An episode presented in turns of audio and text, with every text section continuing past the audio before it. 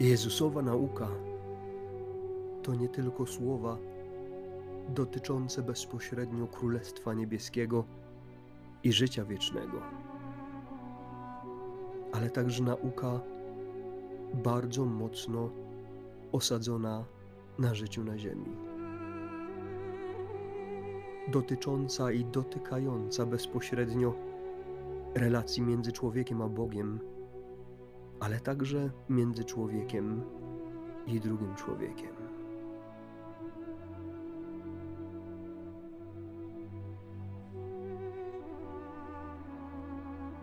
Dziś przysłuchujesz się temu, jak Jezus po raz kolejny mówi o ważnych rzeczach wprost do swoich uczniów. Nie tak dawno pytał, za kogo uważają go ludzie. Wtedy Piotr odpowiedział, że jest Mesjaszem. A krótko po tym, kiedy słyszał słowa Jezusa mówiące o tym, że ma umrzeć i zmartwychwstać, zaprotestował. Z jednej strony usłyszał słowa: Ty jesteś Piotr, opoka, i na tej opoce zbuduję mój kościół. A z drugiej strony usłyszał słowa: Zejdź mi z oczu, szatanie, bo nie myślisz o tym, co Boże, ale o tym, co ludzkie.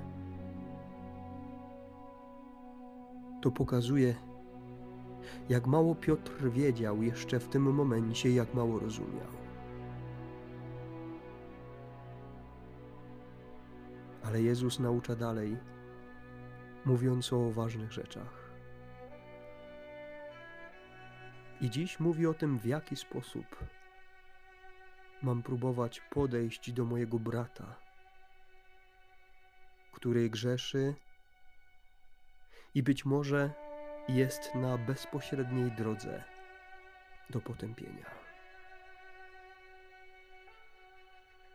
Siedzisz blisko Jezusa, więc wyraźnie słyszysz Jego słowa. Starasz się z wielką uwagą wczytać w każde zdanie, aby jak najlepiej zrozumieć i przyjąć to, co Jezus ma dziś do powiedzenia.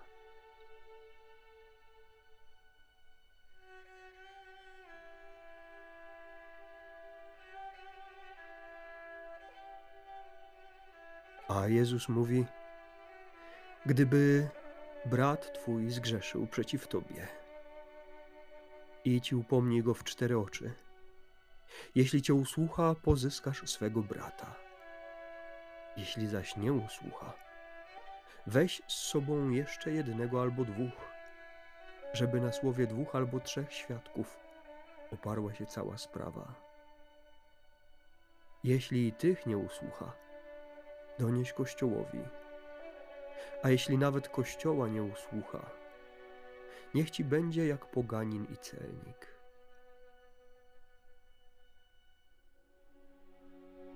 Potem Jezus dodaje: Zaprawdę powiadam wam, wszystko cokolwiek zwiążecie na ziemi będzie związane w niebie, a co rozwiążecie na ziemi będzie rozwiązane w niebie. I dodał: Zaprawdę powiadam wam, jeśli dwóch z was na ziemi zgodnie o coś prosić będzie, to wszystko otrzyma od mojego Ojca, który jest w niebie. Bo gdzie są dwaj albo trzej zebrani w imię moje, tam jestem pośród nich.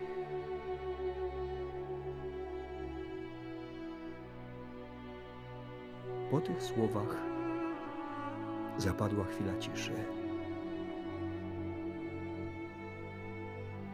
Ciszy przepełnionej dźwiękami, które jeszcze przed chwilą tworzyły zdania, wydobywające się z ust Jezusa, jakby na powrót chciały się przypomnieć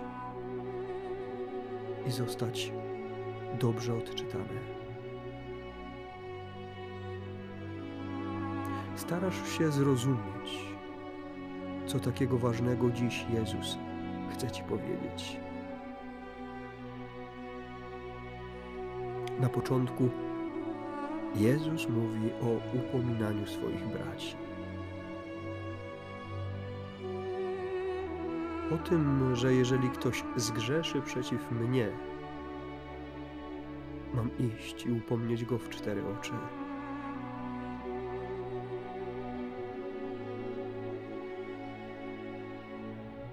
Przede wszystkim ważnym jest tu zwrot Jezusa.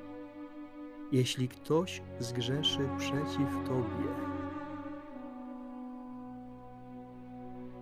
Jezusowi nie chodzi o to, że mam biegać po ulicy i upominać wszystkich, którzy robią cokolwiek złego. Wtedy takie działanie nie przyniosłoby żadnego pożytku, a raczej przyczyniłoby się do jeszcze większego zła, wyśmiania, a może i zgorszenia. Jezus zwraca uwagę na bardzo osobistą relację. Jeśli ktoś zgrzeszy przeciw Tobie, idź do niego i powiedz mu o tym. To zmienia postać rzeczy, bo sytuacja dotyczy właśnie mnie i tego drugiego człowieka.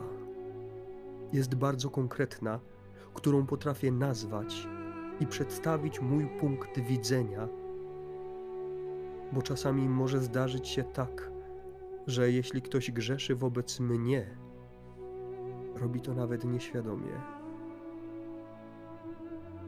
Co nie znaczy, że jeżeli coś dzieje się wobec mnie nieświadomie, to mnie nie rani. Jezus wtedy mówi: idź i upomnij go. Powiedz mu o tym, co czujesz. Powiedz mu o tym, co ta sytuacja stwarza w tobie, w jaki sposób cię dotyka, w jaki sposób cię rani. Spróbuj wyjaśnić mu, że on nie jest tobą, a ty nie jesteś nim. Więc masz prawo do takiego oglądu sytuacji. Masz prawo do Twoich myśli i do Twoich zranień.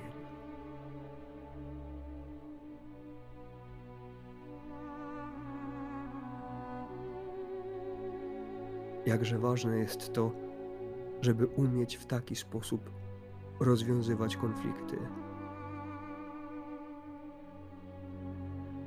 A niestety tak często dzieje się, że łatwiej jest mi pójść do kogoś innego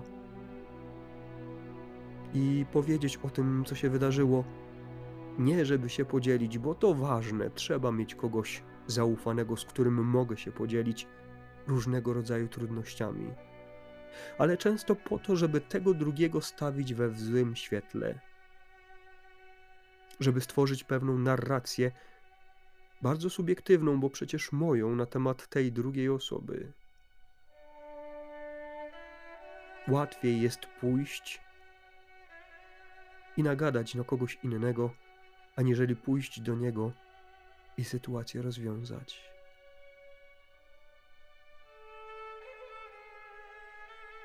A może tu jest coś dziś na rzeczy?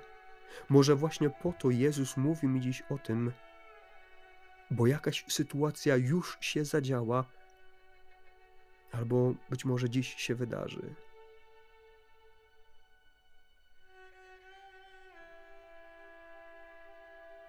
Potem mówi Jezus o tym dalej, że jeżeli nie usłucha, żeby przyprowadzić jakiegoś świadka,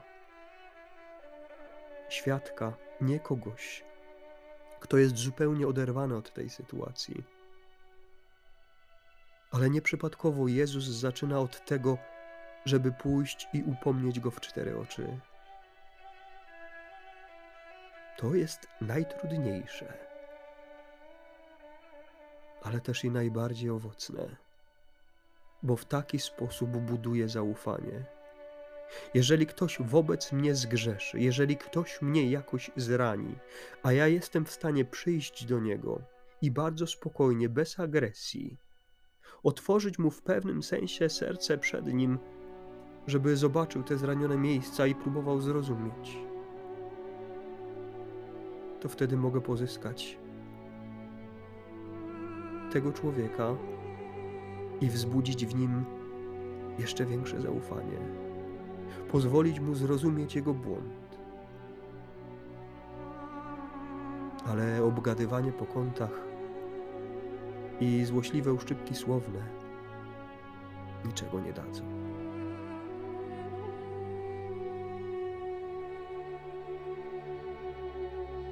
Potem mówi Jezus jeszcze o tym, że cokolwiek uczniowie zwiążą na ziemi, będzie związane w niebie, a co rozwiążą, będzie rozwiązane w niebie. I to ma ścisły związek z tym, o czym mówił Jezus do Piotra. Wtedy, kiedy powiedział mu: Ty jesteś Piotr, opoka, i na tej opoce zbuduję mój kościół, i Tobie daję klucze. Jakby Jezus podkreśla raz jeszcze władzę apostołów, którą otrzymali od Niego, że głoszona przez nich nauka aż po dzień dzisiejszy ma moc wiążącą zarówno tu na ziemi, jak i w niebie. Wymaga to ode mnie wielkiego zaufania. Wymaga to ode mnie często wyzbycia się swojego egoizmu i powiedzenia sobie, że przecież Kościół wie lepiej, bo ma władzę i moc od samego Boga. Trudne to jest i oczywiście nie zwalnia mnie to z myślenia. Nie chodzi o ślepe posłuszeństwo, ale o wzbudzenie w sobie takiej przestrzeni zaufania, że w sytuacjach czasami być może i trudnych, które kłócą się z moją logiką, moja wiara podpowiada mi, że Boża logika może różnić się od tej mojej, że czasami muszę ją schować do kieszeni, a jeszcze bardziej wzmocnić moje zaufanie w stosunku do Boga, który jest w Kościele.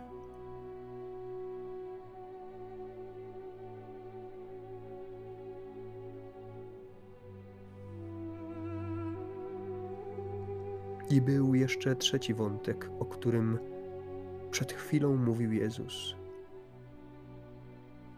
Mówił o modlitwie, zgodnej modlitwie.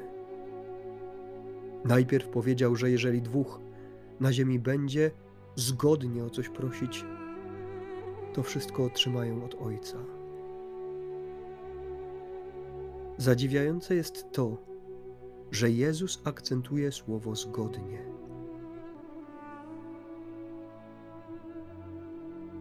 Jakby miało ono kluczowe znaczenie. Być może Jezus chce tu pokazać, jak ważnym jest fakt, żeby nasze intencje nie wykluczały się nawzajem.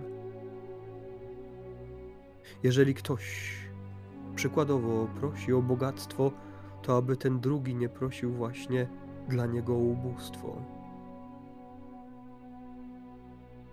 Zgodna modlitwa to ta, w której człowiek przede wszystkim jest zwrócony w stronę Boga.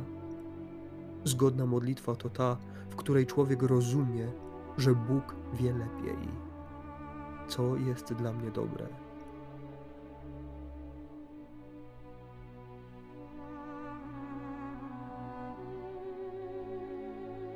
I na końcu Jezus mówi, że gdzie dwaj albo trzej zebrani są w imię moje, tam jestem pośród nich.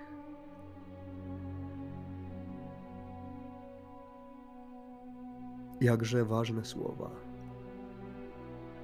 Wystarczy, że dwie albo trzy osoby gromadzą się w imię Boże, to znaczy, że modlą się, że rozmawiają na temat Boga, że w jakikolwiek sposób interesują się sprawami Kościoła, wspominając właśnie obecność Boga w nim. Tam Bóg jest obecny.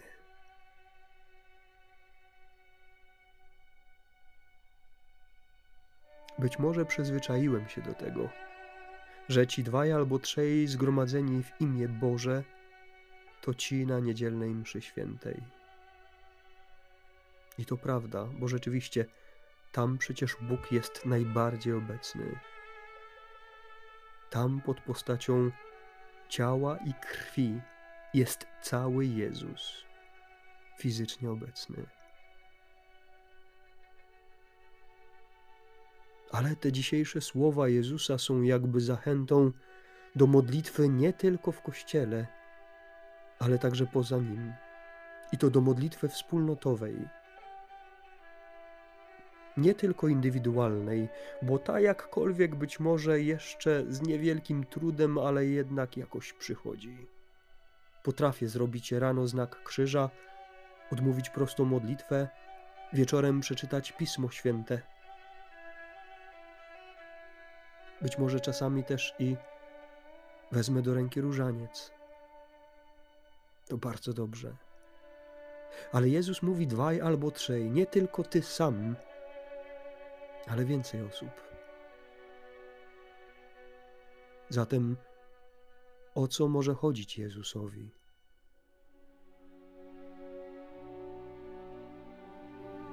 Być może Jezus chce mnie zachęcić do wspólnotowej modlitwy w mojej małej wspólnocie, w której jestem.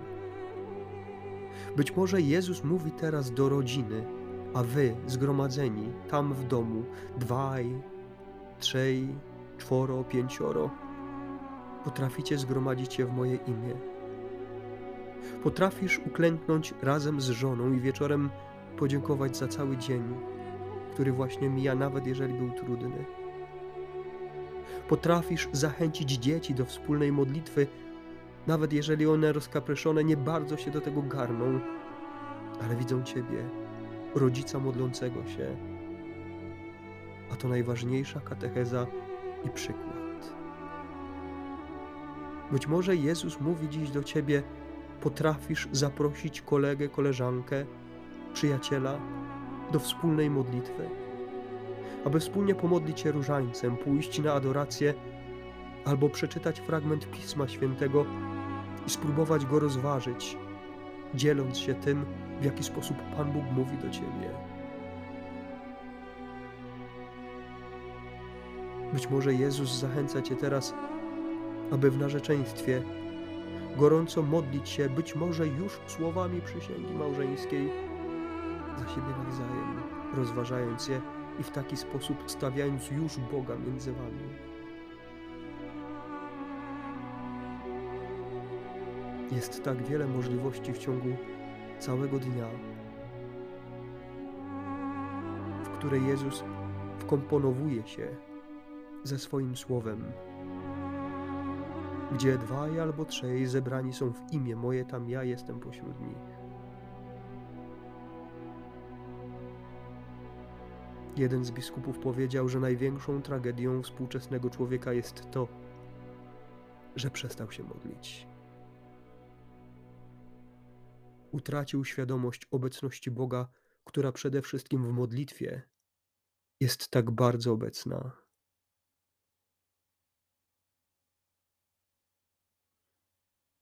Być może to dobry moment, żeby to sobie wszystko na nowo poukładać.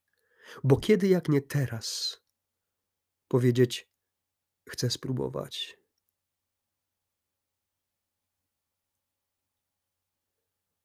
Co jeszcze może stać na przeszkodzie?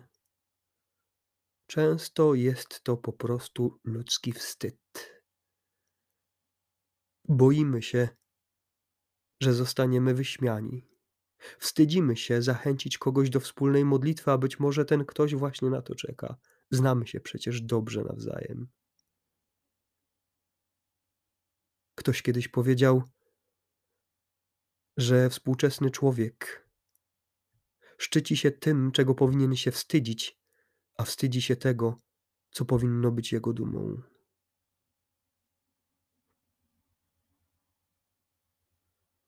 Trochę w tym racji, bo tak często ja, chrześcijanin, katolik, Schowałem Boga do kieszeni. Albo ograniczyłem do niedzielnej mszy świętej. Trochę wstydząc się tego, że ktoś mógłby mnie przez to zranić. A to Jezus został zraniony z miłości do mnie. Został zraniony aż do śmierci.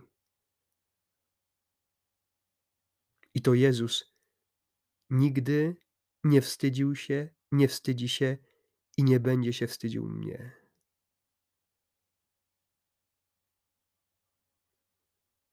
Z Jego łaską jestem w stanie nie wstydzić się także Jego.